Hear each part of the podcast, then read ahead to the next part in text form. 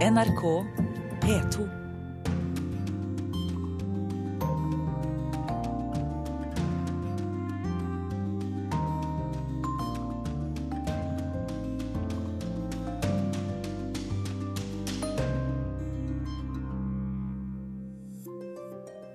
Virkelighetens kaos har innhentet asylpolitikkens prinsipper. Danmark spør seg hvorfor ingen vil søke tilflukt hos dem. Tyskland spør seg ikke hva asylsøkerne koster, men hva det kan være å tjene på dem. Ungarn vil ikke at flyktningene skal føle seg altfor velkomne, og overlater til den som vil, å hjelpe til. Og i Storbritannia ser en gammel og litt loslitt sosialist ut til å bli valgt til ny opposisjonsleder i formiddag. Velkommen til Urix på lørdag. Jeg heter Tore Moland. Hva gjør vi når flyktningene står på vår dør og vil inn? Stenger vi døra, åpner vi opp og tar imot, eller jager vi dem videre? Ungarn, Tyskland og Danmark er tre europeiske land som har måttet svare på dette store spørsmålet den siste uka eller så. Vi begynner i Danmark, som i noen dager med kaos og forvirring har forsøkt å gjøre alt sammen. Både stenge, ta imot og vifte videre. Og samtidig spør en og annen danske seg hvorfor flyktningene selv heller ser ut til å ville reise nordover enn å bli hos dem.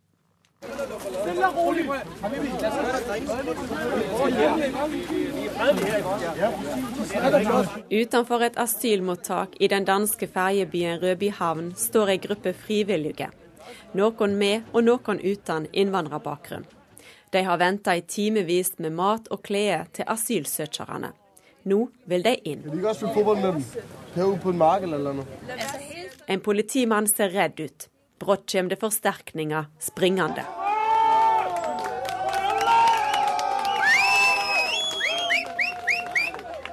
Den betente scenen illustrerer kaoset som har herska i Danmark denne veka. Ingen har visst helt hva som skjedde. Noen asylsøkere ble sendt tilbake til Tyskland, andre fikk passere til Sverige i nattens mulm og mørke, og mange har rømt. Tog ble avlyst, grenser ble lukka. Ingen klare politiske utmeldinger kom. Vi har noen respektive myndighetsoppgaver. Den varetar vi når det foregår her i Danmark. Sent onsdag kveld brast det. Da tok politiet i protest sjøl avgjørelsen om å la 200 flyktninger stikke av til Sverige. Dagen innan møtte NRK politiinspektør og sjef for etterforskning i Sør-Sjælland, Kim Kliver, i Rødby. Han sa politiet freista følge internasjonale regler. I ettertid syner det seg at med ei vaklende regjering var de under et ekstremt press. At vi bruker vår lovgivning og lever opp til denne sammenhengen. Statsminister Lars Løkke Rasmussen sa denne veka at han ikke forsto hvorfor folk ikke ville søke asyl i Danmark. Men røynda er ei anna. Familiesammenføring er blitt vanskeligere. Utbetalinger til en asylfamilie er blitt kraftig redusert. Og Danmark har sett en advarende annonse i libanesiske aviser denne veka.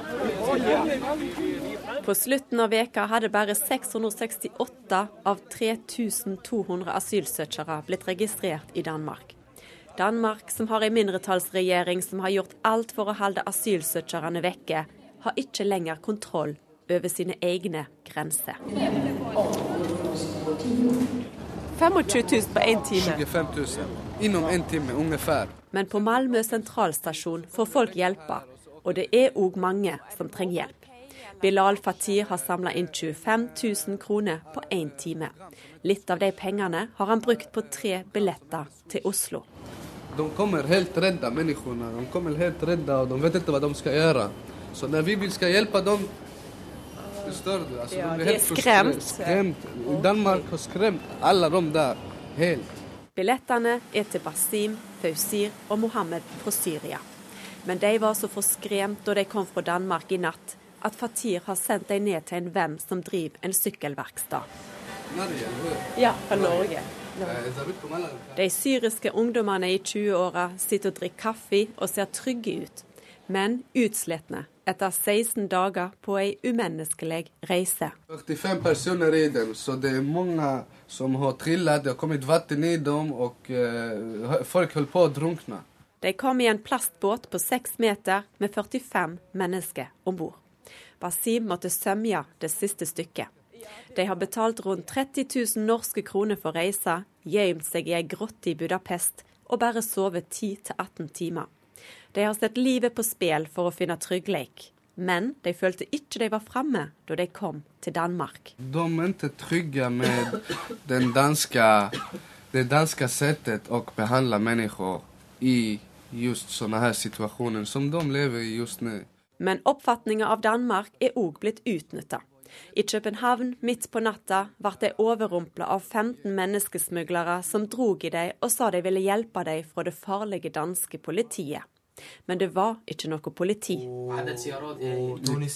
Kvinner, araber, turker De kommer, de gir dem sikkert penger og tvinger folk å hente dit dem. Jeg har aldri trodd at jeg skulle se bilder som dem jeg har sett her, hvor folk flykter henover marker med deres barn over skuldrene for å unngå å få beskyttelse i Danmark. Lederen av partiet Det radikale Venstre, Morten Østergaard, sier han aldri hadde trodd dette kunne skje i Danmark. Valgdebatten i sommer handla om de 6000 som fikk asyl i 2014.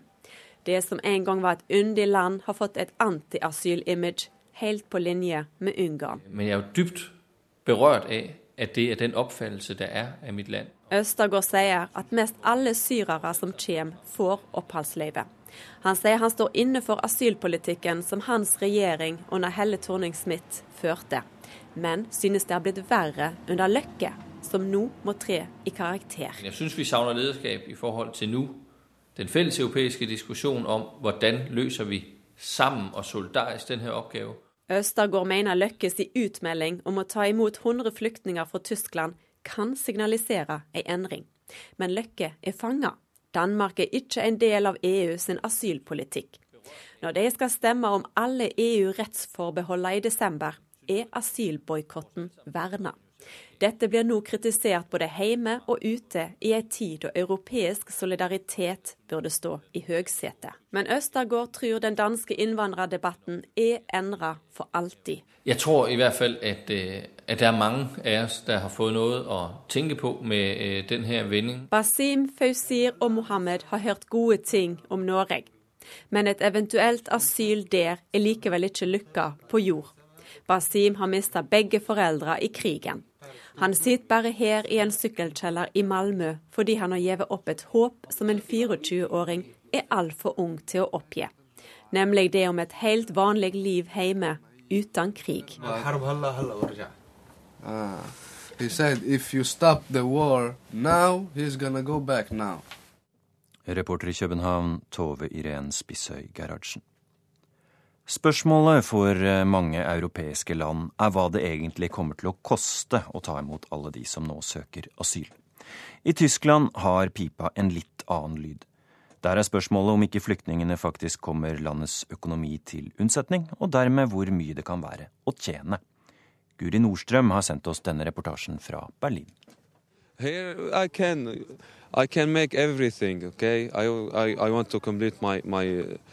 her kan jeg gjøre alt. Jeg vil fullføre utdannelsen min, fullføre drømmene mine, sier Ahmadal Sarhan. Jeg møter 23-åringen fra Syria på et asylmottak i Berlin.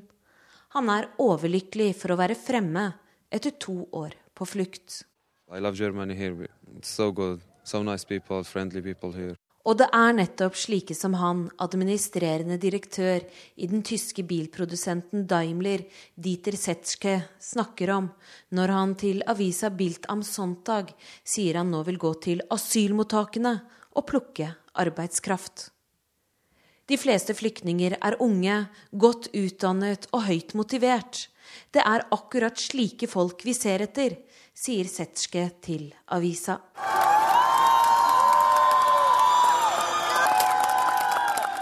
De fikk en varm velkomst, migrantene og flyktningene som kom til Tyskland fra Ungarn forrige helg. Og her i Tyskland snakker mange nå om alle som kommer som en økonomisk redning, snarere enn en utgiftspost. Det er ikke uten grunn. Befolkningsveksten går nedover. Det er flere dødsfall enn fødsler her nå. Om 15 år regner man med at det vil være 6 millioner færre mennesker i arbeid. Det er ikke særlig bærekraftig hvis man fortsatt skal være den økonomiske motoren i Europa, sier finansanalytiker Jasper Lawyer.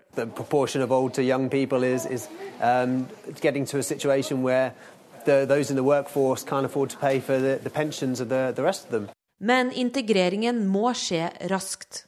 For selv om mange som kommer, særlig fra Syria, har god utdannelse, regner man også med at rundt 20% av dem som kommer, er analfabeter. Nå jobbes det for å øke asylsøkernes mulighet til å jobbe eller begynne i praktikantstillinger, mens de venter på at søknaden deres behandles.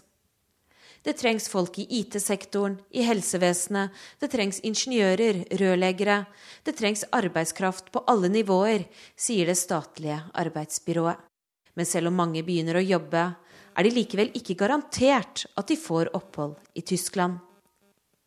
Og det er heller ikke alle som er fornøyd med at regjeringen nå åpner grensene.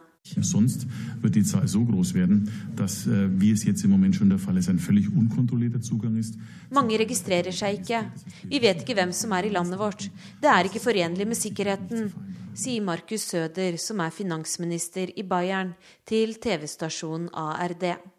Han representerer CSU, som er søsterpartiet til Merkels parti, CDU. Og det er av sine egne man skal ha det. For når man ser bort ifra Pegida-sympatisører og høyreekstreme, er det i Merkels egne rekker hun møter den sterkeste kritikken. Tidligere landbruksminister og innenriksminister Hans Petter Friedrich, også fra CSU, kaller politikken som nå føres for naiv og blåøyd. Han sier Tyskland har mistet kontrollen, og at man ikke vet hvor mange IS-krigere det er blant dem som kommer. Likevel, den tyske regjeringen har flertallet med seg for det den gjør. Ifølge en fersk meningsmåling fra TV-kanalen ZDF mener 66% at det var riktig å åpne grensene. Antallet migranter har nådd historiske dimensjoner.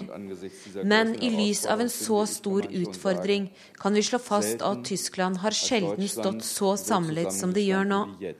Det er en god ting for Tyskland. Det er også en god ting for migrantene, sier visekansler Sigmar Gabriel. Neste stopp Ungarn. Jernbanestasjonen i Budapest har stått sentralt i dramaet som har utspilt seg på den europeiske scenen de siste ukene. Ungarske myndigheter har sagt at de ikke ønsker å hjelpe flyktninger på en måte som gjør at de føler seg spesielt velkomne i landet. Dermed er det blitt opp til frivillige å hjelpe.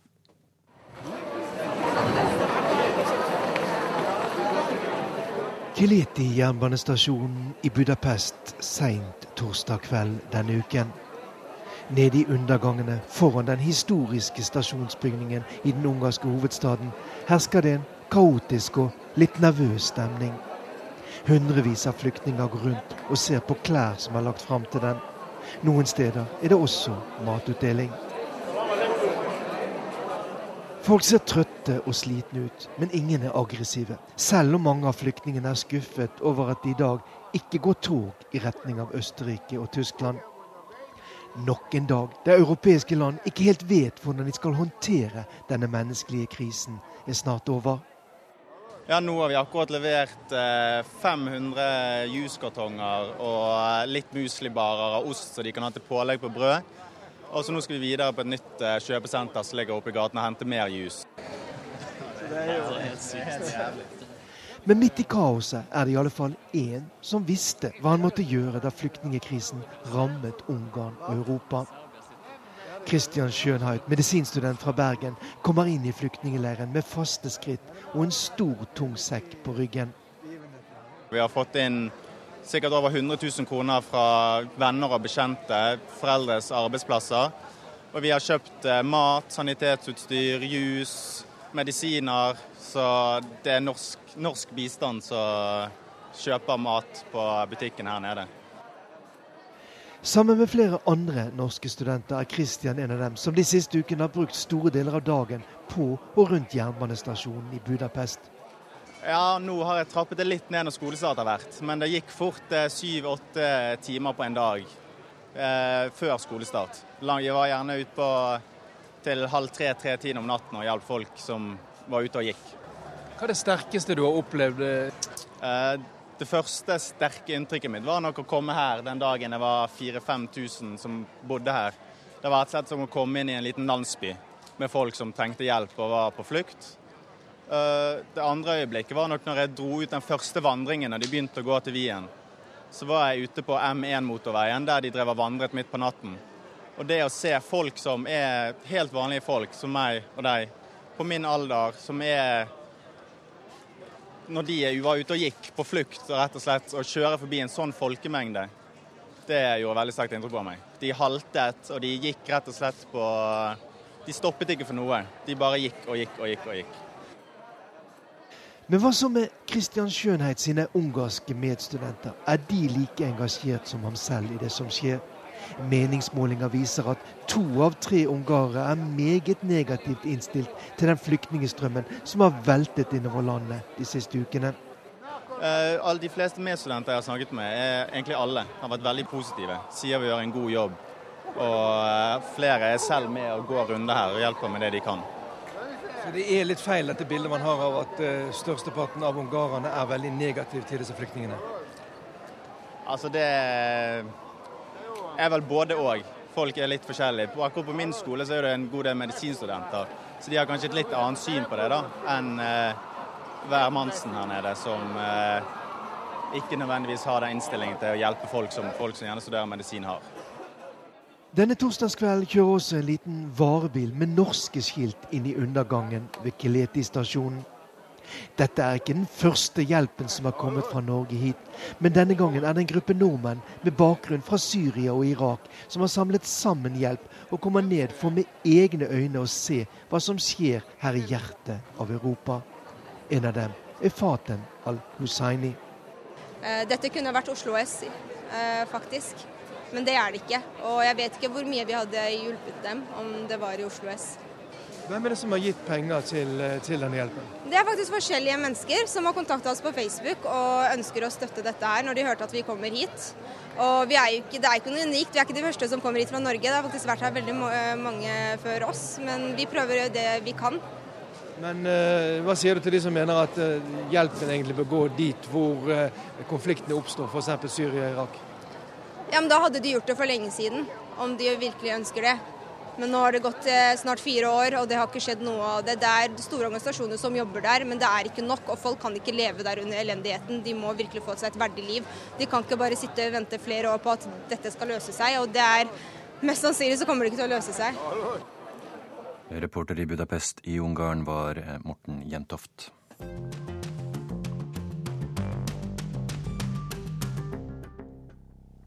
Du vet aldri når du selv kan måtte legge på flukt. Det sier Margrit Barankitze. Og lurer du på hvem hun er, så er hun engelen fra Burundi. En dame som har fått nærmest det som er å få av humanitære priser og æresbevisninger for sin innsats for flyktninger og internfordrevne i det lille landet i Øst-Afrika. Før hun, ganske riktig, måtte legge ut på flukt sjøl. Kollega Dag Bredvei har møtt henne i Oslo denne uka.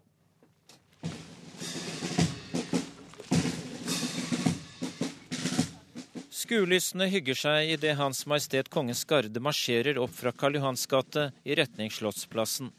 En afrikansk kvinne i fargerikt antrekk haster forbi.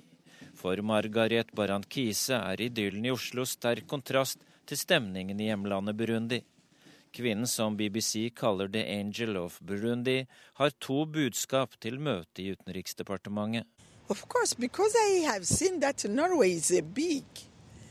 why we must not open our hearts and look who, who can think I will never be a refugee. Norge er et stort land. Nordmenn bør åpne hjertene sine, sier hun. Kvinnen som har mottatt en rekke priser for sin innsats for flyktninger, sier at ingen har garanti for at de aldri blir flyktning en dag. Den karismatiske kvinnen forteller at det andre hun skal si inne hos UD, er at Norge bør slutte å støtte myndighetene i hjemlandet Burundi.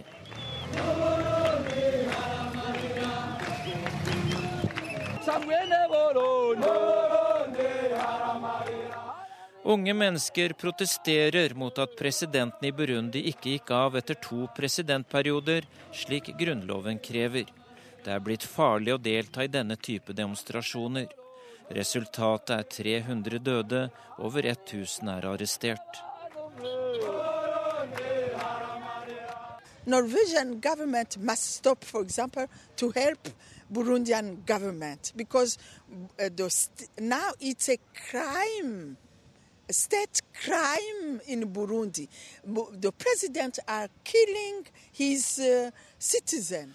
Norge gir pengestøtte til et regime ledet av en president som står bak drap på opposisjonelle i landet.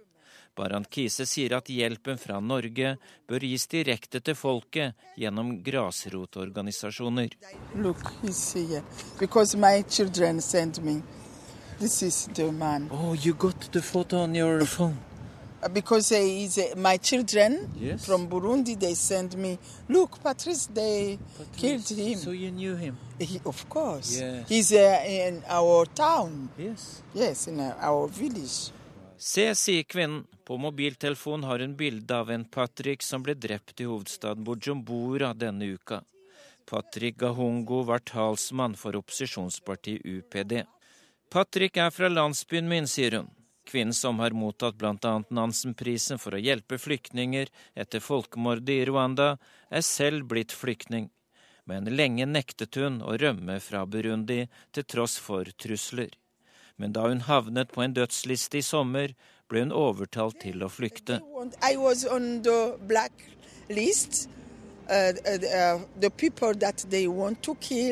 Det var noen av barna hun hjelper, som overtalte henne. De sa at hvis du ikke drar, da blir vi kanskje foreldreløse for andre gang. My children told me, Mama, if they kill you, then will we become again orphans. Go! Margaret Barantkise sier at etter en måned i skjul på den belgiske ambassaden kom hun seg til nabolandet Rwanda i sommer.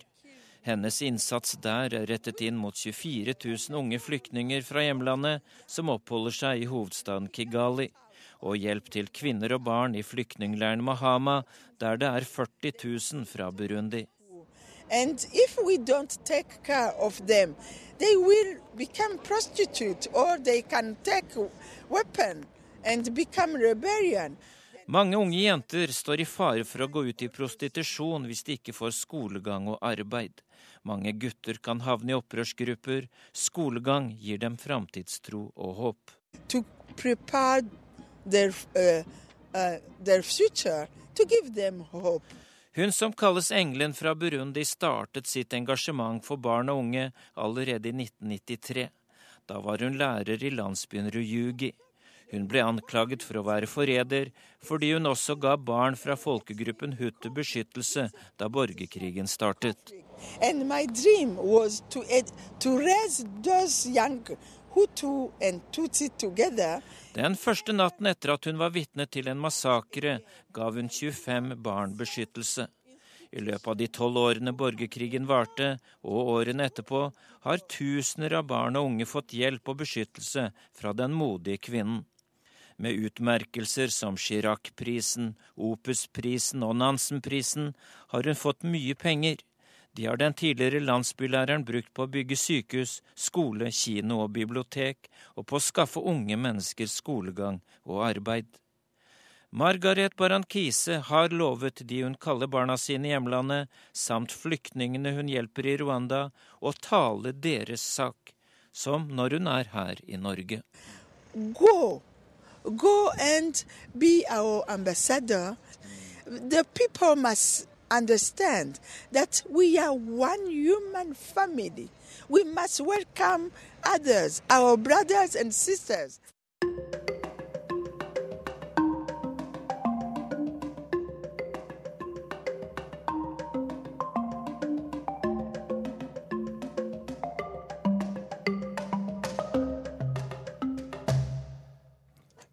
Du lytter til Urix på lørdag. Klokka nærmer seg halv tolv.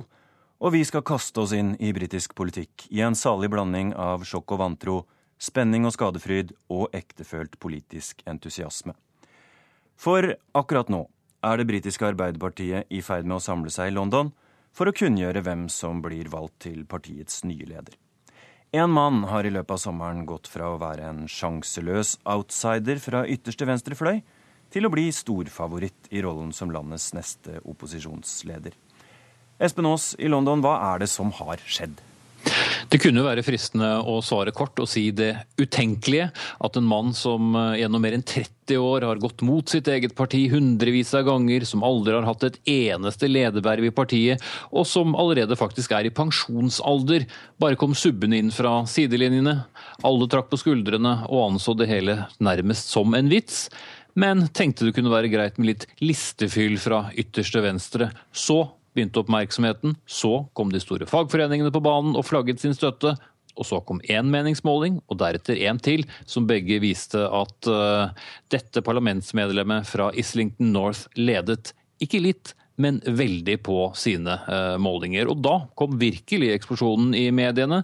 Oppmerksomheten gikk uh, i taket, og rekken av kritikere av politikken til Jeremy Corbyn den har nå vært lang. Uh, han har jo blitt latterliggjort både for sin fremtoning, kritisert for tidligere omfavnelser av grupper som Hamas og Hezbollah osv., osv., men har også klart å blitt omfavnet av store grupper av Labour-velgere. Har selv truffet folk som meldte seg ut av partiet på 90-tallet i protest mot Tony Blairs mer høyre høyrevendte politikk, de har nå kommet tilbake, og de sier de gleder seg til å få en figur som eh, Corbyn til å lede partiet.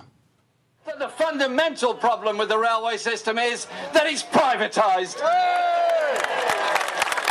And our view was that it should be publicly owned.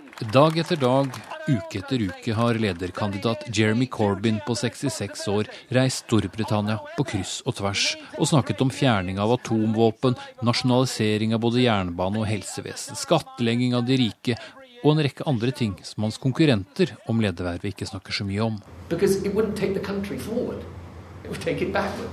Dag etter dag, uke etter uke, har også advarslene mot Corbyn haglet. Enten fra tidligere statsminister Tony Blair, som sa til folk som mente de fulgte hjertet når de stemte på Corbyn, at de burde få seg en hjertetransplantasjon.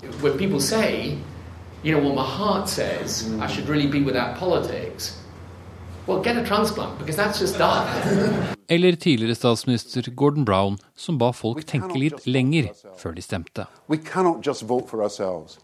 We cannot just vote for what makes us feel good. Men jo mer hans partifeller har advart mot det kaoset som venter med venstreradikale Jeremy Corbyn, jo mer ser det ut som om folk har strømmet til møtene hans. Som da NRK for noen uker siden var på et møte hvor køen var så lang at Corbyn måtte holde en egen tale til alle som ble stående igjen på utsiden. Uh,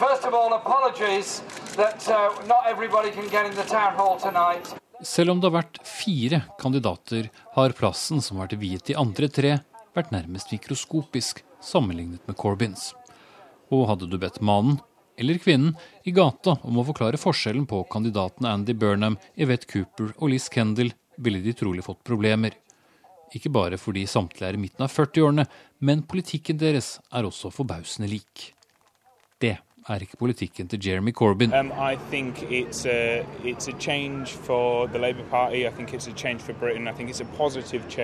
Og det liker mange av dem som kommer på møtene. Noen er så unge at de ikke engang var født sist gang Labour hadde tilsvarende ideer og visjoner. Um, uh, young people who've become disengaged with politics, and I think he's some, someone that young people can relate to.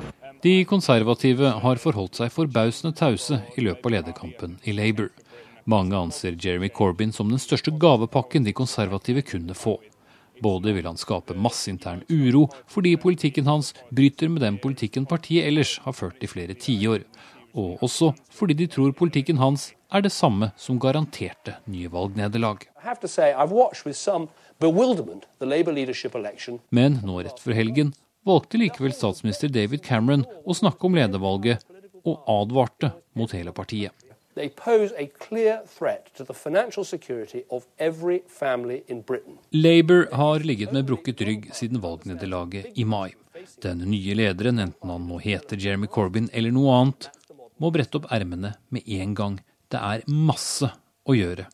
Ikke minst det å forsøke å samle partiet igjen, som nå spriker i minst to retninger. A society that condemns and eliminates poverty, both here and elsewhere. It can be done. Thank you very much for inviting me today. Så langt Jeremy Corbyn og Espen Aas i London. Her i studio har jeg fått besøk av Aled Dilwin Fisher, doktorgradsstipendiat, og Øyvind Brattberg, Storbritannia-kjenner, begge ved Universitetet i Oslo. Øyvind Brattberg, han kommer ikke til å bli valgt, sa du, i likhet med veldig mange andre, da Jeremy Corbyns kandidatur ble lansert. Hva sier du nå? Jeg sier som, igjen som de, de fleste at det, at det, kommer han med svært stor sannsynlighet til, til, å bli. Og Det er jo et eksempel på at uh, tingenes tilstand i Storbritannia, i britisk politikk, er på langt nær så stabile som man har vært vant til at de var. Altså de politiske tyngdelovene, hva som er det politiske sentrum, hva som er mulig å få til, hvem som måtte være valgbar. Disse tingene er ikke så sikre lenger. De er ikke skrevet i stein, slik man har antatt at de ville være. Og det, er, det må enhver som følger med på britisk politikk også tegne over seg. Og de konservative fryder seg. Er det et svakhetstegn for Labour i dine øyne at Jeremy Corbyn da ser ut til å vinne frem? Man kan se splittelse som et svakhetstegn i seg selv, og debatten har vært, eh, har vært heftig internt i, i, partiet. Men det gjenstår å se om den splittelsen kan, eh, kan heles. Så kan man snakke om at Corbyn er et, et, et, steg langt bort fra det som er valgbart territorium. Igjen så tror jeg man skal vente, vente og se. Han er i ferd med å bringe inn mennesker i politikken som, som mobiliseres nedenfra, som ikke har vært mobilisert på veldig mange år og en, en, bølge av popularitet. Og det skal man ikke uten videre avfeie som, eh, som, uholdbart. En av dem som har blitt mobilisert nærmest, er vel deg, Alle de Dillwyn Fisher. Du er fra Wales opprinnelig. Du hører til et stykke ute på venstresida i politikken og er fortsatt ganske ung og hadde mista trua på Labour. Men, eh, men Jeremy Corbyn han har klart å gi deg entusiasmen tilbake. Hvorfor det? Han, altså, Det ville vært utenkelig at jeg skulle stå, uh, sitte her og snakke på norsk radio om uh, Jeremy Corbyn for ikke så veldig lenge siden. Uh, det var ingen av oss som hadde trua på venstresiden i Storbritannia om Arbeiderpartiet i det hele tatt. Veldig mange av oss har tenkt at partiet var fortapt for lenge siden under ble, og at partiet ikke hadde noen demokratiske interne muligheter i det hele tatt på venstresiden. Eh, så det, er veldig mange av oss som i mange år prøvde å bygge noe utenfor partiet til venstre, slik som på Demos eller De Linke i Tyskland eller, eller Syriza i, i, i, Hellas. Men uh, vi må gi Jeremy Corbyn og, og, og, de andre egentlig litt cred for de, de, har stått på i partiet, og nå kommer de til å vinne, helt sannsynlig. Og, uh, det, det, er utrolig spennende. Jeg tør ikke spå hva som skjer, men uh, vi er veldig spente. Men en litt loslitt sosialist som har sittet på bakerste benk i 30 år og, og, vært opptatt av nei til atomvåpen og renasjonalisering av statlige, eller en gang statlige selskaper. Hvorfor fenger en slik mann plutselig de unge? Ja, det, det, er et veldig godt spørsmål. Jeg tror det er veldig mange som er lei av uh, at eh, PR-folk som Cameron og Clegg og Blair og, og, og, og Milleband, for den saks skyld, altså karrierepolitikere, har, har, ledet alle de forskjellige partier i, i, i lengre tid nå i Storbritannia. Så det, det, har veldig mye å si. at eh, som, som du sa nå i stad, så er det veldig mange som ikke har vært involvert i politikk i det hele tatt, som plutselig har kommet tilbake. Så det, det er litt som uh, både blast from the past, men også uh, sånn ny vind også i Storbritannia. Øyvind Brattberg, vi har sett protestpartier vokse fram i andre europeiske land. Det har vært nevnt her Syriza i Hellas, Podemos eh, i, i, Spania. Er eh, gode, gamle britiske Arbeiderpartiet i ferd med å bli kapret av den samme bevegelsen? Det kan man si et stykke på vei, og det er jo en, en, veldig spesiell situasjon. For disse andre alternativene vi tar fram, da handler det om en, en venstreopposisjon på utsiden som etablerer et alternativ. Her handler det om å, å kapre moderskipet, så å si, og, og sette det på ny kurs. Uh, og det er en uhyre interessant utvikling. Og det, også, det, det, tyder også på at de diagnosene etter valgnederlaget i mai, at av alle problemer man har, så må man først og fremst vinne middelklassen i, i England, det har etter hvert havnet litt på, på, sidelinjen. Og så har man kommet til en, en, en forståelse, iallfall blant Corbyns tilhengere, av at det man trenger, er å vinne tilbake tapte mennesker over hele Storbritannia. De som har vært desillusjonert av politikken de siste tiårene. Men kan dette føre til splittelser i partiet, i verste fall? I Storbritannia, med den valgordningen man har, så er det den visse, om ikke den visse død, så er det iallfall en vei mot politisk utenforskap å bryte med det store partiet. Fordi det store partiet er det som, som gir en mulighet for politisk innflytelse. Så her er det ikke noe rom for, for eh, verken noe SV, Podemos, De Linke eller Syriza. Aled Dilwin Fisher, du har sammenlignet dette med som om SV eller Rødt ikke skulle eksistere i Norge, og at uh, Bjørnar Moxnes skulle bli valgt til leder i, i Arbeiderpartiet? Ja, det, det var veldig fint, det. Men, uh, men, det er nettopp det som har blitt sagt nå om valgsystemet i England. Det har vært forsøk på å opprette en slags Delinke eller Syriza. Det var Respect-partiet etter krigen i antikrigsbevegelse. Miljøpartiet har vokst firedoble medlemskap i de siste årene og fikk 3,8 eh, av stemmene nå ved valget i mai, men fikk bare én eh, mandat. Og Det sier litt om eh, hvor få muligheter man har utenfor Arbeiderpartiet. Så det, så, så, så det, er det som er så spennende, på en måte, at det er vokst innad i, i Arbeiderpartiet etter så lang tid uh, hvor ingen, ingen, kunne sett for seg at det skulle skje. Hvor mye har endringen av måten en partileder velges på hatt å si for det som skjer her? Ganske mye. Eh, også det var slik eh, i fortid at eh, fagforeninger hadde veldig mye makt innenfor eh, Labour når det gjelder valg, og nå har de en slags one member, one vote-system. Men det er også slik at man kan liksom melde seg inn som, som supporter, som de kaller det, for bare tre pund. Og det har veldig mange unge gjort som ikke var medle fulle medlemmer holdt jeg på å si, i partiet. Um, så Det er derfor vi har, vi har sett en uh, såpass stor uh, medlemskap nå, og veldig mange eh, stemmeberettigede for, for ledervalget. Um, så om de da blir på en måte ordentlige medlemmer etter hvert, uh, gjenstår å si. Men, men, de blir nok det hvis Kåben blir valgt. tror jeg. Men Ed Miliband mislyktes jo katastrofalt ved valget i mai, Øyvind Brattberg. Og lærdommen da, den konvensjonelle lærdommen, lot til å være at du vinner ikke valg ved å angripe fra venstre. Så går partiet enda lenger til venstre. Ehm, men samtidig så kan man jo si at Jeremy Corbyn ikke akkurat hopper etter Wirkola her, for å bruke et norsk uttrykk, med å overta etter Red Miliband. og Gordon bra? Det er verken Wirkola eller Arnfinn Bergman som har satt utfor før, eh, før Jeremy Corbyn. Det, det, er det ikke. Og jeg tror den gamle, eh, den gamle klassiske lærdommen om at britisk politikk er endimensjonal, høyre-venstre, og du kan på en måte navigere langs den aksen, det er ikke fullt så, så enkelt uh, lenger. Man har både den skotske nasjonalismen å ta hensyn til. Det er den grønne bevegelsen. Det er også det høyrepopulistiske UKIP, som jo har plukket en del velgere fra, fra Labour også. Så det, det, er en del Snakker man om, om desillusjonerte og, og, hvor de kommer fra, så, så finnes det mange kilder. Her i studio ser vi nå TV-bildene, og jeg tror også vi kan høre lyden av eh, Arbeiderpartiet i Storbritannia som er i ferd med å samle seg i i Queen Elizabeth Conference Hall, et steinkast fra Westminster. Espen Aas eh, i London, hva skjer videre der nå i formiddag?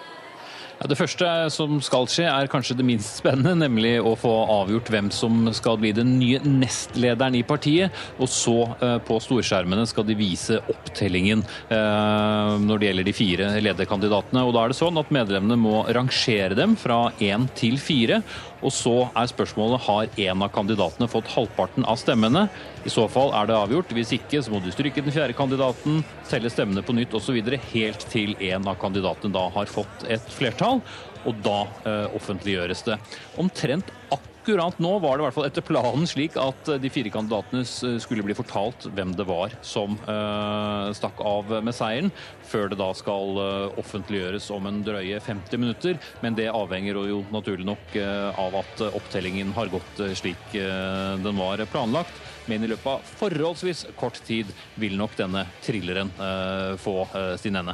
Men det betyr at kanskje allerede sitter en nyvalgt Labour-leder der ute, bare at vi ikke har fått vite hvem det er ennå?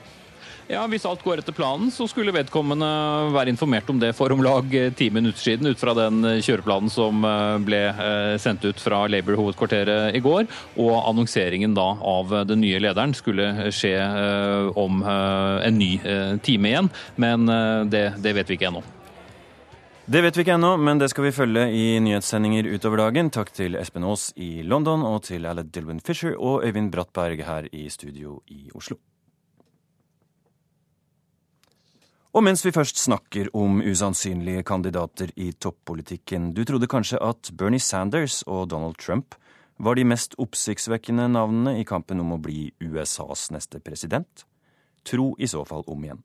Denne uka lanserte en annen mann sitt kandidatur. Han har tenkt mye på sikkerhet opp gjennom åra, og han har et navn du kanskje kjenner igjen fra din datamaskin. La oss møte John McAfee. Uh, John, good to have you here with us. Uh, you're talking about running for president, or I've heard people are talking about you Det var til nettstedet infowars.com at internettgründeren først fortalte om presidentambisjonene. run, run. Um, my uh, uh, my formally. Um, John McAfee mener en president må ha en dyp forståelse for informasjonsteknologi, fordi teknologien styrer vår hverdag. um, you know, we're living in a cyber world now, a, a world based on technology that that uh, are certainly our current administration does not understand in the least. They, uh, 69-åringen tror han kan være en slik president. Hans politiske fundament ligner en del på vårt eget piratparti. Han stiller som uavhengig kandidat i det nystiftede Cyber Party. Well, yeah, here's what I feel. Any, any, any disclosure of any information is good. Why should we be kept in the dark on anything? Good Lord, you know, we're all adults here. I want to know what's happening in my world. Otherwise, I'm, I'm in McAfee støtter varsleren Edward Snowden. So to that extent, you know, I'm behind the guy. Let's find out what the world is all about. What is our government actually doing? Don't you want to know, people? I do. Uh, so to that extent, I, I back him fully. I also back his balls. If you Han har gjentatte ganger advart om hvor åpne smarttelefonene våre er for overvåking. You agree that they can turn on the camera on your phone anytime that they wish Men det er flere sider ved mannen som i 1987 startet datavirusbeskyttelsesfirmaet McAfee Associates, tjente en formue og ble en meget respektert stemme i USA. Her hører vi han fyre av en lang serie skudd med en ekstremt kraftig rifle, en 50 kaliber som han skyter stående. Riflen er egentlig ikke bygd for det, men det er den tøffe tingen å gjøre dersom du har nok muskler.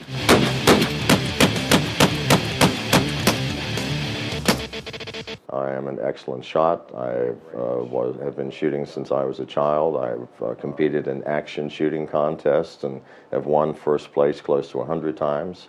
Um, Han er ikke beskjeden i sin beskrivelse av skyteferdighetene, og han er også ganske så åpen om grunnen til at han omgir seg med skytevåpen. I'm, I'm tired of running. I've, I've gone from being frightened to mostly angry. Nå er det dødsskvadroner fra det lille mellomamerikanske landet Belize han frykter vil forsøke å drepe ham. I'm fully prepared for the eventuality that there will be an attempted raid on my residence or my car or my person. For å forstå hvorfor må vi noen år tilbake i tid. The four most popular factual questions are number one, did I murder my neighbor in Belize? Was I manufacturing? Videoen vi hører lyden fra, har McAfee selv lagt ut på nettet. Han sitter i et bibliotek iført en rød og sort slåbrok.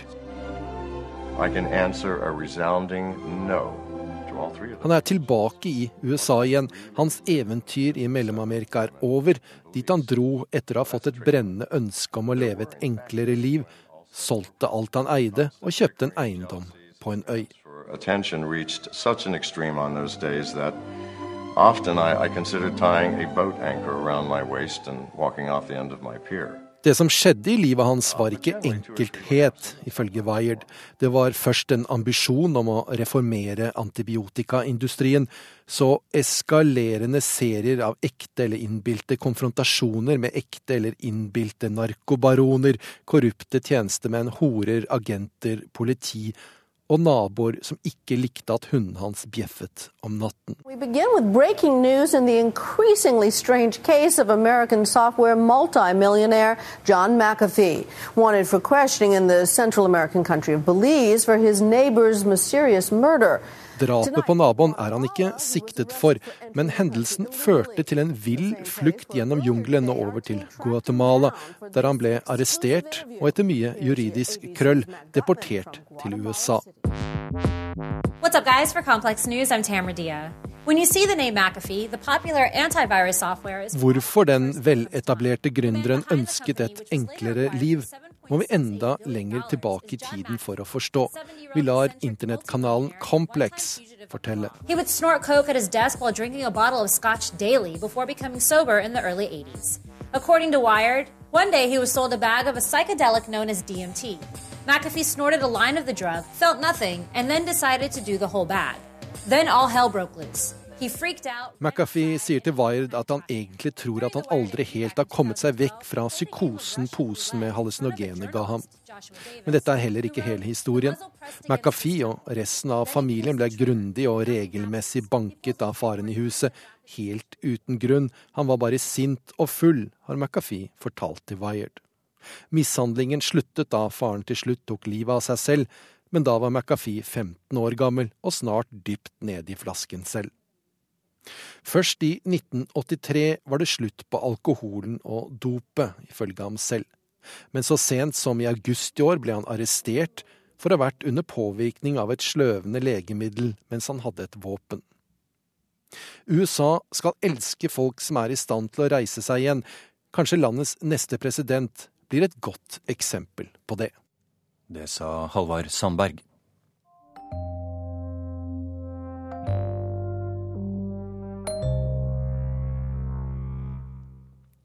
Hva skjer i verdens nest største økonomi når børsene brått stuper?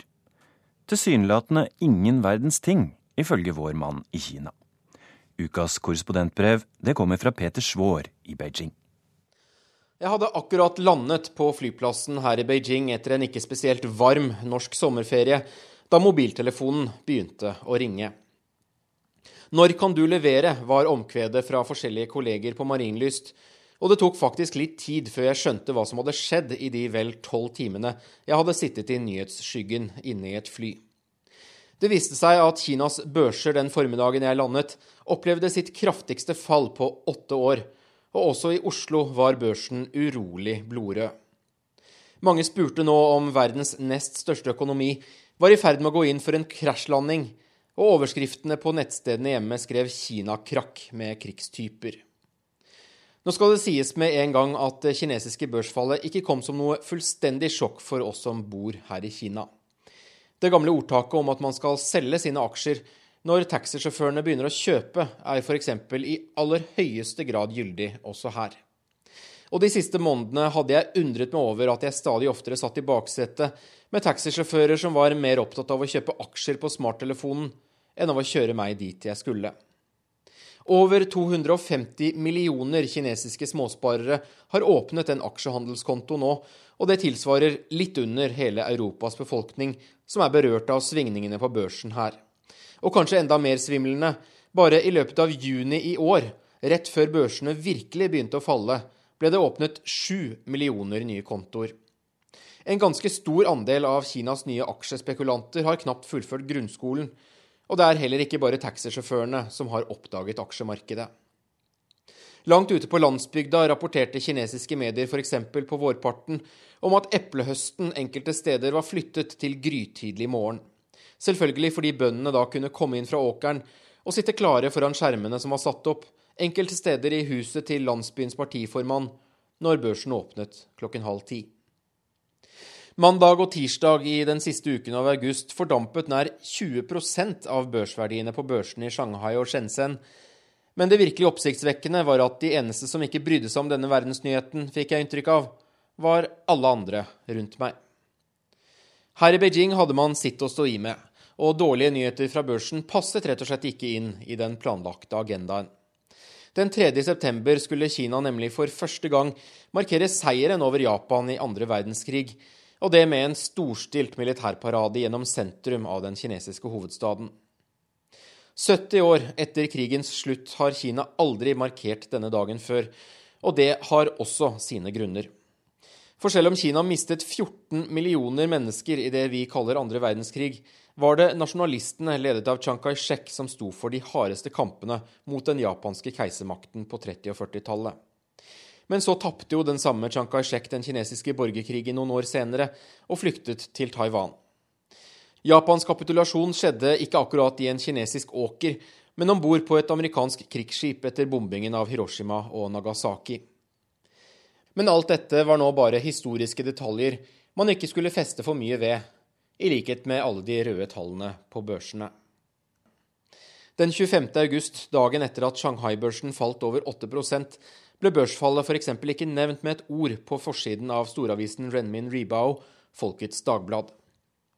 Avisen spanderte isteden et stort førstesideoppslag på en gruppe kinesiske soldater som la siste hånd på sikkerhetstiltakene foran militærparaden. Med det nokså omstendelige navnet 70 års markering av det kinesiske folkets seier mot japansk aggresjon og den verdensomspennende antifascistiske krig. Mediedekningen var allerede massiv, og paraden var nesten en uke unna. Sikkerhetstiltakene var også et kapittel for seg. Beijing-myndighetene kunngjorde f.eks. et strengt forbud mot å slippe brevduer. Beboere på helt andre kanter av Beijing fikk beskjed om å ikke røyke på sengen eller bruke gasskomfyr.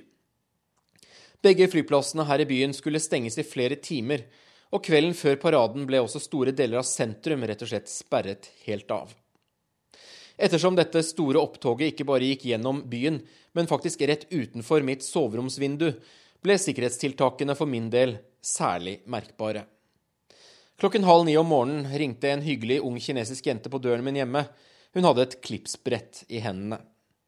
Jeg fikk overlevert et ark med en lang liste over hva jeg i dagene rundt på raden ikke fikk lov til å gjøre inne i min egen leilighet. Det var ifølge listen helt utelukket å invitere gjester hjem. Det var forbudt å åpne vinduene i leiligheten som vender ut mot Chang'an-avenyen, og det var heller ikke lov til å stå på balkongen eller til å ta bilder. Jenta rakte meg en penn og ba meg skrive under.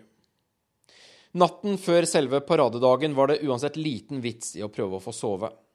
Allerede rundt midnatt begynte gulvene i leiligheten min å riste, og jeg snek meg til å titte forsiktig ut gjennom gardinene på de hundretalls tanks som rullet forbi her rett under balkongen, på vei mot Den himmelske freds plass noen kilometer lenger vest for meg. Sett med norske øyne var det, om jeg skal si som sant er, en litt blandet fornøyelse å se et så stort oppbud av tanks rulle forbi med tunge dieselbrøl midt på natten. Man kan få assosiasjoner av slikt, for det har ristet i gulvene i leiligheten jeg bor i, før også. Sammen med akkrediteringene fikk vi utlevert en egen pressepakke og NRK fikk både en regnjakke, en ryggsekk, en fyllepenn, en caps, myggspray, tigerbalsam og en liten vifte i paradens farger. Her var ikke spart på noe. Etter en nattlig sikkerhetssjekk langt utenfor sentrum ble vi busset inn til en pressetribune grytidlig om morgenen. Soldatene øvde allerede på skrittene sine der ute, og det viste seg at tribunen ved siden av oss var satt av til krigsveteraner fra kommunisthæren. Selv om deres opphassere forsøkte å vifte bort våre kameraer, var de gamle så glødende entusiastiske at alle skjønte at det ikke nyttet. Dette blir veldig bra, fortalte en av dem meg, pyntet med medaljer og stråhatt. Nå vil alle se at Kina har blitt et sterkt land, og ingen vil tørre å yppe seg med oss igjen. Solen steg over en knallblå Beijing-himmel denne dagen, og det var også en del av kjøreplanen. Kinas meteorologiske institutt hadde fått det som ble kalt krigstidsinstruksjoner, og det skulle bety at de kunne levere en helt særegen, nøyaktig værmelding for selve paradedagen. Alle de forurensende fabrikkene ute i Høbei-provinsen som omslutter Beijing, hadde fått ordre om å stenge flere uker i forveien, og trafikkrestriksjonene gjorde at trafikken var håndterbar her, selv om mange biler måtte stå i garasjen. Der vi sto et par hundre pressefolk og kameraer tett i tett og oppå hverandre, rett ved det berømte Mao-portrettet, slo det meg et øyeblikk at jeg hadde kommet til en slags underlig parallellvirkelighet, hvor alt fokus og all interesse nå skulle handle om 500 tanks, nye missiler og 12 000 soldater som marsjerte i takt, mens hva som måtte skje av dårlig nytt på andre fronter, var noe man virkelig fikk bekymre seg for et annet sted og til en annen tid. Børsen var dessuten stengt og skulle ikke åpne igjen på flere dager, Hele Kina fikk fri nå for å se denne store festen på TV. Presidenten for verdens nest største økonomi hilste sine soldater kledd i en nystrøket Mao-dress med et resolutt Tongzi Menhao, god dag, kamerater. Og han gjorde det stående i en bil av merket Hongqi, et navn som direkte oversatt betyr røde flagg, et bilmerke som var en kinesisk industriell stolthet en gang i tiden, i Maos dager. I dag kjører Kinas pamper som oftest Audi. Hvem kineserne var mest spente på å se, var det ingen tvil om. Det var Dongfeng 21. For oss som ikke er veldig bevandret i missilenes verden, ser Dongfeng 21 ut som en ganske vanlig rakett. Men dette er en som bærer bud om å være en game changer i stillehavsregionen. Den er laget for å kunne senke et presumptivt amerikansk hangarskip med ett treff, og siden Kina foreløpig bare har ett eget skip med ett under bygging, regnes evnen til å slå ut motstandere som ekstra viktig. Jeg så også etter en annen kjendis der blant soldatene, men han fikk jeg selvsagt ikke øye på. I kinesiske aviser er han bare døpt Stirrekongen. Hans evner til å ikke blunke har gjort ham berømt her de siste ukene. Det hele begynte med at en ung marinetekniker i Folkets frigjøringshær pådro seg øyekatarr rundt årsskiftet. Et av kravene til soldatene som ville marsjere i paraden, var å kunne stirre uten å blunke i 40 sekunder. Og med øyekataren så det altså lenge mørkt ut. Men den unge soldaten øvde og øvde. Han oppsøkte vindfulle steder, og han stirret og stirret. Og til slutt vippet han selve verdensrekordholderen av pinnen. Han stirret sammenhengende i 57 minutter og 24 sekunder. Helt uberørt av alt annet holdt han stødig på med sitt eget prosjekt. Kineserne er gode til det. Og med de ordene er Urix på lørdag ved veis ende. Teknisk ansvarlig var Hanne Lunås, produsent Vidar Eidhammer, og her i studio Tore Moland.